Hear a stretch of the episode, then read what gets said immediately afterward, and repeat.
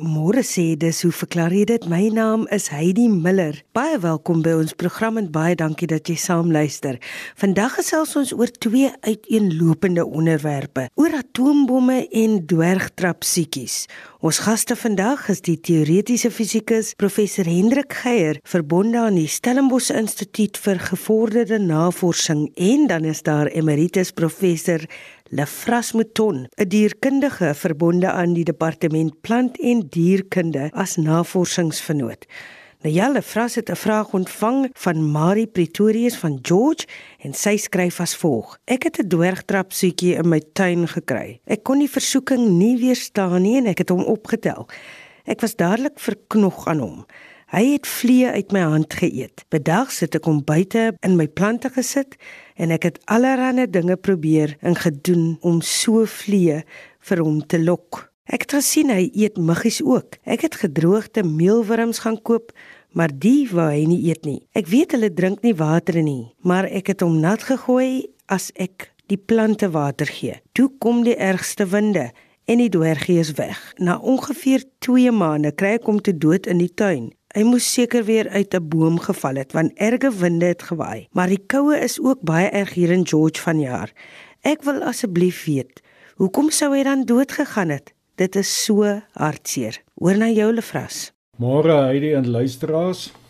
Marie, die verkleemannetjie in jou tuin was waarskynlik die Nysna dwergverkleemmannetjie, Bradypodion damaranum. Nou ja, uit die aard van die saak is die naam Damaranum vreemd. Dit verwys, soos jy reg geraai het, na Damaraland in Namibië en uh dit is vreemd gegee die feit dat hierdie verkleemmannetjie beperk is tot die Suid-Kaap vanaf George tot die Tsitsikamma. Dit kom beslis nie in Damaraland voor nie. Wat gebeur het is dat die persoon wat die spesies in 1887 beskryf het, hy het so 'n bietjie de mekaar geraak met die inligting tot sy beskikking oor die diertjie wat hy as 'n nuwe spesies wou beskryf. Volgens sy inligting was die verkleemmannetjie in Damaraland versamel en toe gee hy die naam Damaranum in sy amptelike beskrywing van die nuwe spesies. In werklikheid was die verkleemmannetjie by Nysna versamel.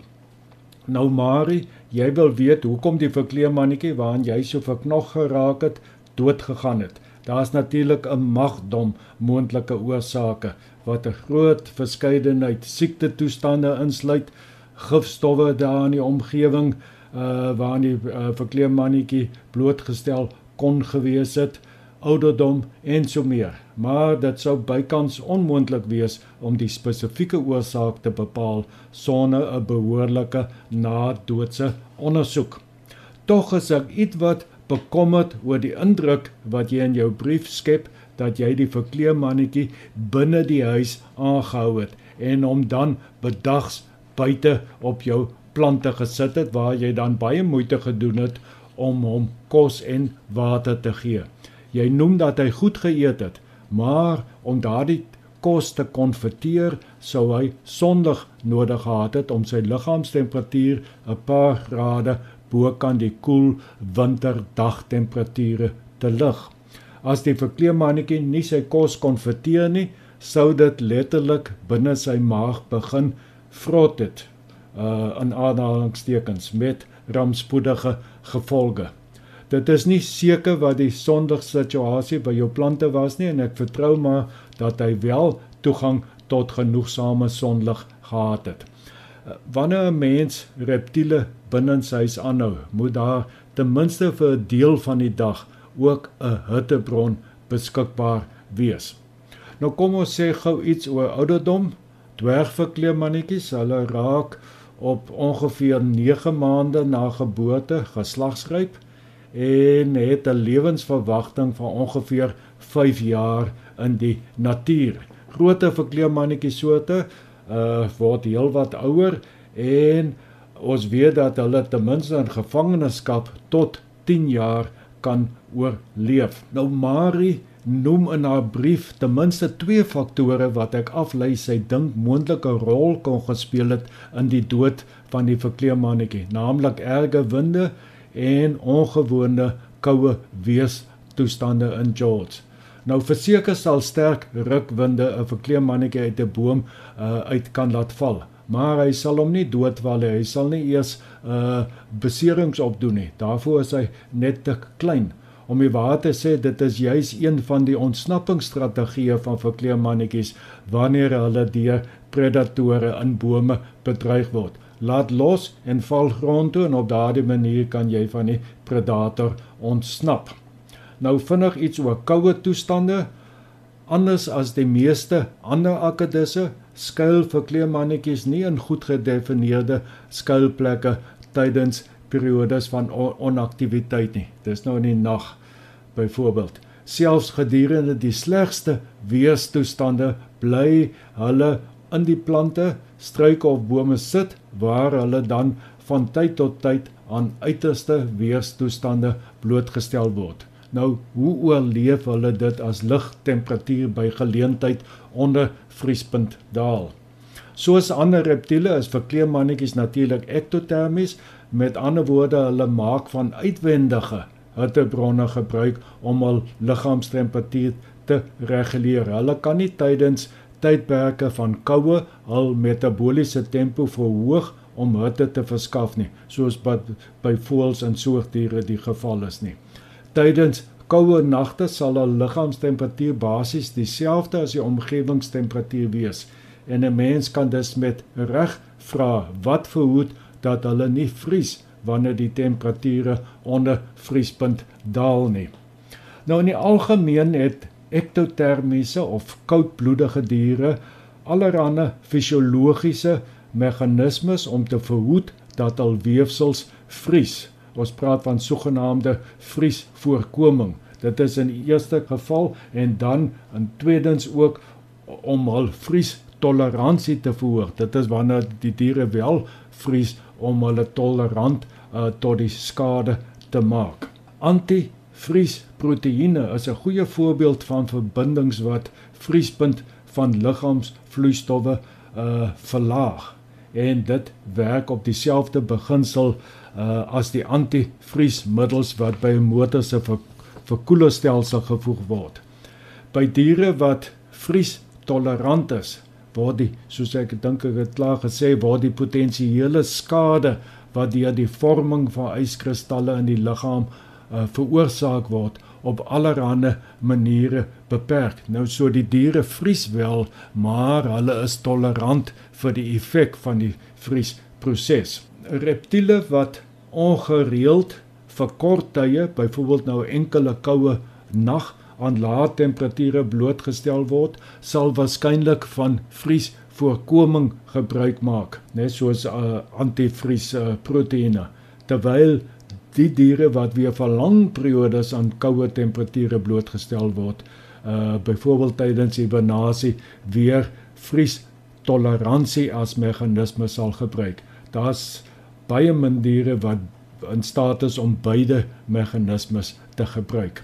Ek dink dat die lesers uh verbaas sal wees om te hoor dat baie ongewerveldes uh soos vrylewende nematode, honderdpote en baie insekte byvoorbeeld, ons praat nou spesifiek die wat vries toleransie vertoon. Vries tolerant is by temperature tot so laag as -80 grade Celsius. Nou dit is baie koud. So die diere vries wel, maar hulle oorleef dit tot by daardie temperature. Uh, paddas van koue streke kan uh is vries tol tolerant tot by -6 grade Celsius, akkedisse en slange -4 grade Celsius. So hierdie diere vries, maar hulle oorleef dit as die temperature nie onder daardie temperature daal nie. Vir kleemannetjies en ander akkedisse van die George omgewing met sy gematigde klimaat behoort van antivriesmiddels gebruik te maak om te verhoed dat yskristalle in wesels vorm wanneer daar nou so af en toe 'n baie koue nag is. 'n Lae dagtemperature, ons praat nou van temperature so onder 10 grade Celsius, is nie so seer 'n probleem nie en dit kan vir 'n lang tydperk duur etlike dae en dit sal eintlik geen effek hê op die diere nie want hulle metabolisme sal laag bly en hulle hoef mos nou nie te eet as hulle metabolisme laag is nie.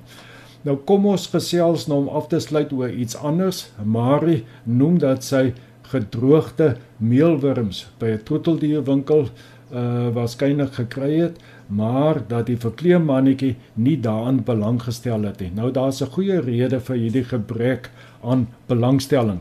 Sover dit die voedingsgedrag betref, uh, behoort verkleemmannetjies tot 'n groep akedisse bekend as sit en wag voeders. Soos die naam aandui, sit hulle op een plek en dan wag hulle vir die prooi om naby hulle te kom en dan vang hulle die prooi. Hulle maak van visie gebruik om die prooi op te spoor, né? Die prooi moet beweeg en dan kan hulle die die prooi waarneem. Die ander groep ak akedisse, dit is die die aktiewe soekers. Hulle maak weer op hul reuk vermoë staat. Hulle loop rond en sniffel uh hulle prooi uit en die prooi is gewoonlik onaktief in hulle skuilplekke en uh die prooi hoef nie te beweeg nie want die akedisse ruik hulle uit. En hierdie akkedisse gebruik hoofsaaklik die tong wat gereeld uitgeskiet word om te ruik. Nou ons weet slange skiet ook mos daardie tongetjie die gereeld uit om om die omgewing te ruik. Uh dit is ook baie opvallend hierdie tong skiet by likkewane uh wat natuurlik ons grootste akkedisse hier in Suid-Afrika is. Uh indien Marie dus lewende meelwurms voor die verkleemannetjie sou gesit het, sou hy waarskynlik belangstelling uh getoon het. Nou om op te som Marie, ek is baie jammer dat jou troetel verkleemannetjie afgesterf het. Ongelukkig sal dit onmoontlik vir my wees om 'n oorsaak vir die afsterwe te identifiseer. Daar's net te veel moontlikhede. Nietemin, jy het 'n paar interessante stellings in jou skrywe gemaak wat tot lekker bespreking gelei het. Ek glo dat daar binnekort weer 'n verkleemmannetjie sy opwagting in jou tuin sal maak en dat daar weer 'n hegte vriendskap sal ontwikkel. Ja, wat is 'n tuin sonder 'n verkleemmannetjie? Dankie aan Lefras Meton. Ek gee dadelik leisels oor aan Hendrik Geier wat gaan gesels oor atoombom vergelykings na aanleiding van 'n brief wat hy van 'n luisteraar ontvang het. 'n Goeiedag, Heidi. Dag sê aan die luisteraars. Um, dit was 5 Augustus vir jaar presies 75 jaar gelede dat Amerika 'n atoombom oor Hiroshima laat ontplof het en uh, die wêreldpers in die algemeen en ook hier by ons het die storie gedra en daar's heelwat hieroor geskryf. Nou dis na aanleiding hiervan wat ons eh, 'n uh, paar vrae gekry het van Dr Pieter van Deventer van Durbanville Uh, is dit moontlik om rowweg aan 'n leek te verduidelik hoe Fat Man, dit is die kodenaam wat gegee is aan die atoombom wat uh, 8 Augustus oor Nagasaki ontplof is, hoe hierdie uh, bom soveel meer energie kon vrystel as uh, Little Boy dit wil sê die bom wat op 5 Augustus oor Hiroshima ontplof is. Nou uh, voor ek verder gaan om om voor te lees uit uit uh, Dr van Deventer se brief uh miskien net weer die stelling wat ek al tevore in die program gemaak het naamlik dat die benaming atoombom eintlik 'n uh, foutiewe benaming is 'n kernbom is is die korrekte beskrywing uh want die plofkrag van hierdie toestelle uh, is gesetel in prosesse wat in die kern afspeel en nie so seer in die atoom as geheel nie maar die die benaming atoombom uh veral ook in Engels het al so gevestig geraak dat uh dit vry algemeen gebruik word. Uh hoe ook al die beskrywing en of die inligting wat nou die vrae onder lê uh, wat ons van Pieter van Deventer gekry het is die volgende. Hy sê Little Boy het 64 kg uran 235 bevat. Uh 67 terajoule vrygestel teenoor Nagasaki uh, se bom wat 6,4 kg plutonium bevat het en 87,9 terajoule energie vrygestel is. Nou vra hy op watter manier bevat plutonium dan soveel meer potensiaal as uran 235? Waar lê die knoop en hoe werk dit? En dan gaan hy voort om daarna te verwys dat daar in die persberigte ook verwys is na twee skokgolwe wat by die Hiroshima ontploffing uh, gevoel is uh maar nie by die Nagasaki ontploffing genoem is nie en hy wil weet waar hierdie twee skokgolwe vandaan kom. Nou voor ek direk uh, op hierdie vraag reageer, het miskien net so 'n klein bietjie agtergrond ter inleiding. Die basiese fisiese proses wat die verskynsel van of die werking van 'n kernbom onder lê, uh, is die van kernklowing. Dit is nou in teenstelling met kernversmelting uh, wat die proses is wat nommer 1 om in die son afspeel en wat ook uh, onderliggend is aan die werking van wat genoem word 'n waterstofbom. Ons kom miskien uh, nog 'n bietjie later weer terug na na hierdie onderskeid, maar kom ons fokus vir die vir die oomblik net eers op op die hele kwessie van kernklowing. Nou sommige kerne het die eienskap dat hulle uh, baie onstabiel is, soveel so uh, dat as 'n neutron, dit wil sê een van die twee tipiese uh, kerndeeltjies, die ander synde protone te wees, uh, as as so 'n kern deur 'n kom ons sê maar loslopende neutron getref word, dan is dit baie geneig om gekloof te word. Tipies min of meer twee ewe groot uh neuweprodukte en waar die energie vandaan kom is die feit dat hierdie neuweprodukte se massa uh tipies minder is as die oorspronklike massa en die verskil word dan as energie vrygestel en soos ons weet uit Einstein se befaamde verwantskap tussen energie en massa E gelyk aan mc² met c die spoed van lig uh is die hoeveelheid energie wat op hierdie manier uit massa omskep word uh eintlik 'n geweldig groot omdat C so groot faktor is in in uh gewone eenhede waarin ons meet. Nou een van die materiale wat hierdie eienskap het is Uran 235. Ehm um, wat as 'n mens vra hoe algemeen dit voorkom, is dit belangrik om uit te wys dat dit maar omtrent 0.7% van natuurlike uran uh, in die aardkors uitmaak. Uh so die die res van omtrent 99.3% uh bestaan uit uran 238. In die eerste plek om materiaal bymekaar te kry wat potensieel hierdie kernklowing kan ondergaan en dan energie kan vrystel, uh, moet 'n mens genoeg uran 235 bymekaar kry.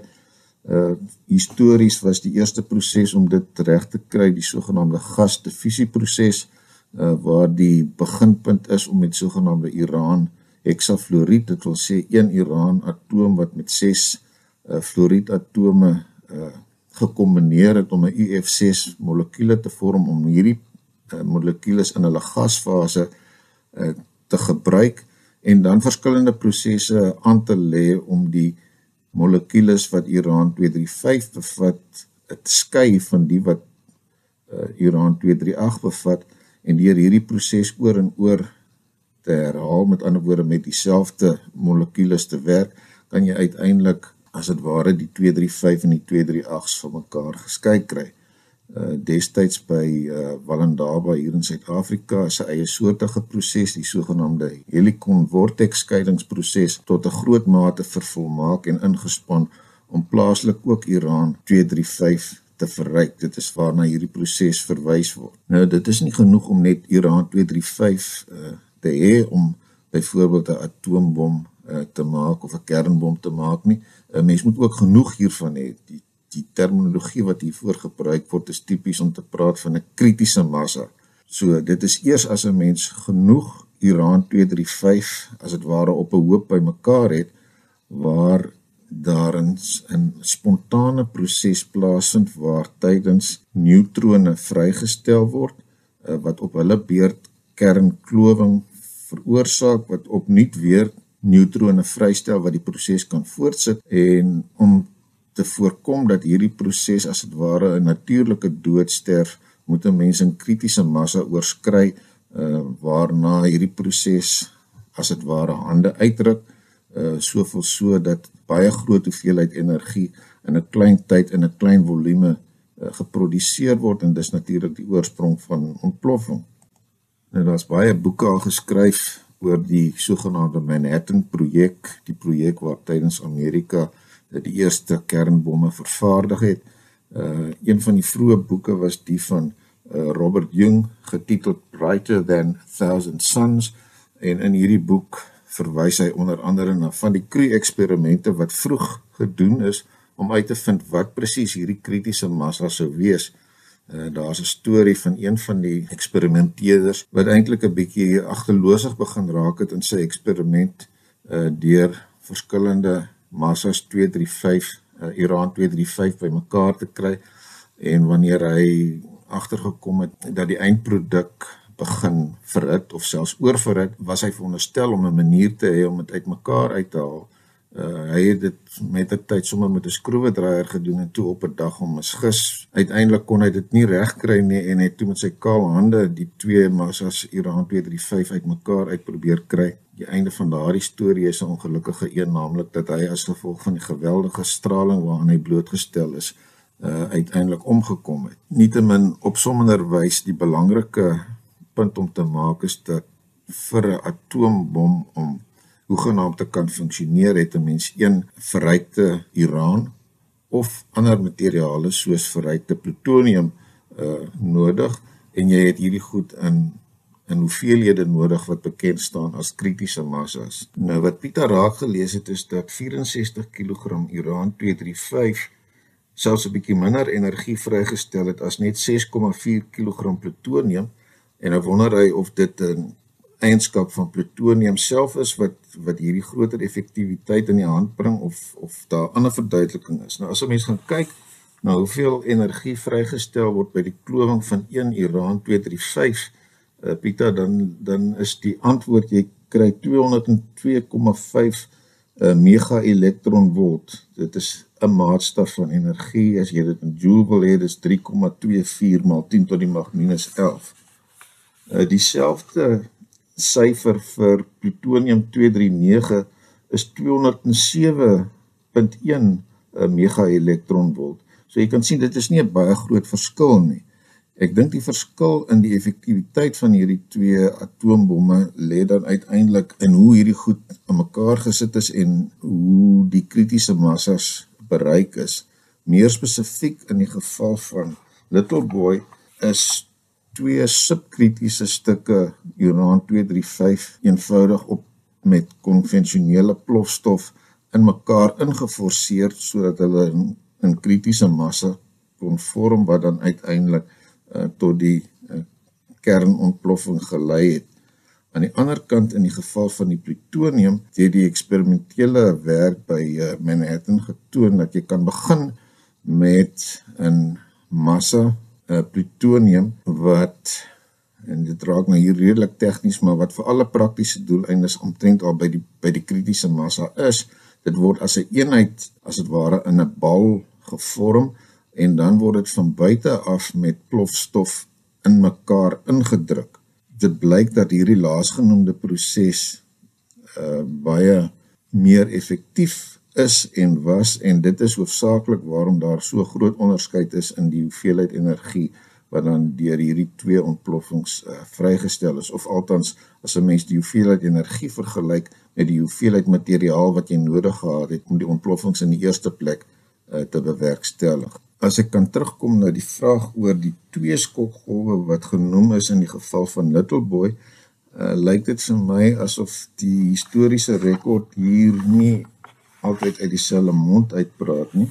In uh, 'n uh, publikasie van die sogenaamde Atomic Heritage Foundation uh, word dit onder andere genoem dat die bemanningslede van beide die vliegtye wat hierdie bomme afgegooi het, uh, elkeen 3 skokgolwe ervaar het. So nommer 1 lyk dit vir my asof die proses dieselfde effek gehad het en die hoeveelheid skokgolwe wat inderdaad geregistreer is, lyk vir my meer na 'n proses van 'n skokgolf en naskokke uh, eerder as 'n fundamentele onderskeid uh, tussen die twee gevalle. En uh, miskien moet 'n mens net noem dat daardie skokgolf se oorsprong het het te maak daarmee dat wanneer die ontploffing plaasvind, uh, die atmosfeer so geweldig saamgedruk word en by so hoë temperatuur dat dit die begin van hierdie skokgolf is wat van die sentrum af uh, na buite uitgestuur word uh, met die verwoestende effek wat in in baie detail in baie van die publikasies byvoorbeeld oor wat in Hiroshima gebeur het uh, beskryf word. So Pieter, dit is uh, kortliks uh, die antwoord. Uh, dit is nie inherent plutonium wat uh, soveel kragtiger plofmateriaal is nie, maar tot 'n groter mate die die konstruksie van die bom wat wat dit meer effektief gemaak het en ek dink die die skokgolf storie is dat dit uh, vir beide gevalle eintlik dieselfde was. Dankie aan professor Hendrik Geier en so ook aan emeritus professor Lefras Meton wat vroeër gesels het. Skryf gerus aan ons by hoe verklaar jy dit posbus 2551 Kaapstad 8000 of stuur gerus vir ons 'n e-pos na heidi@rsg.co.za. Aanstaande Sondag het ons meer lekker dag verder.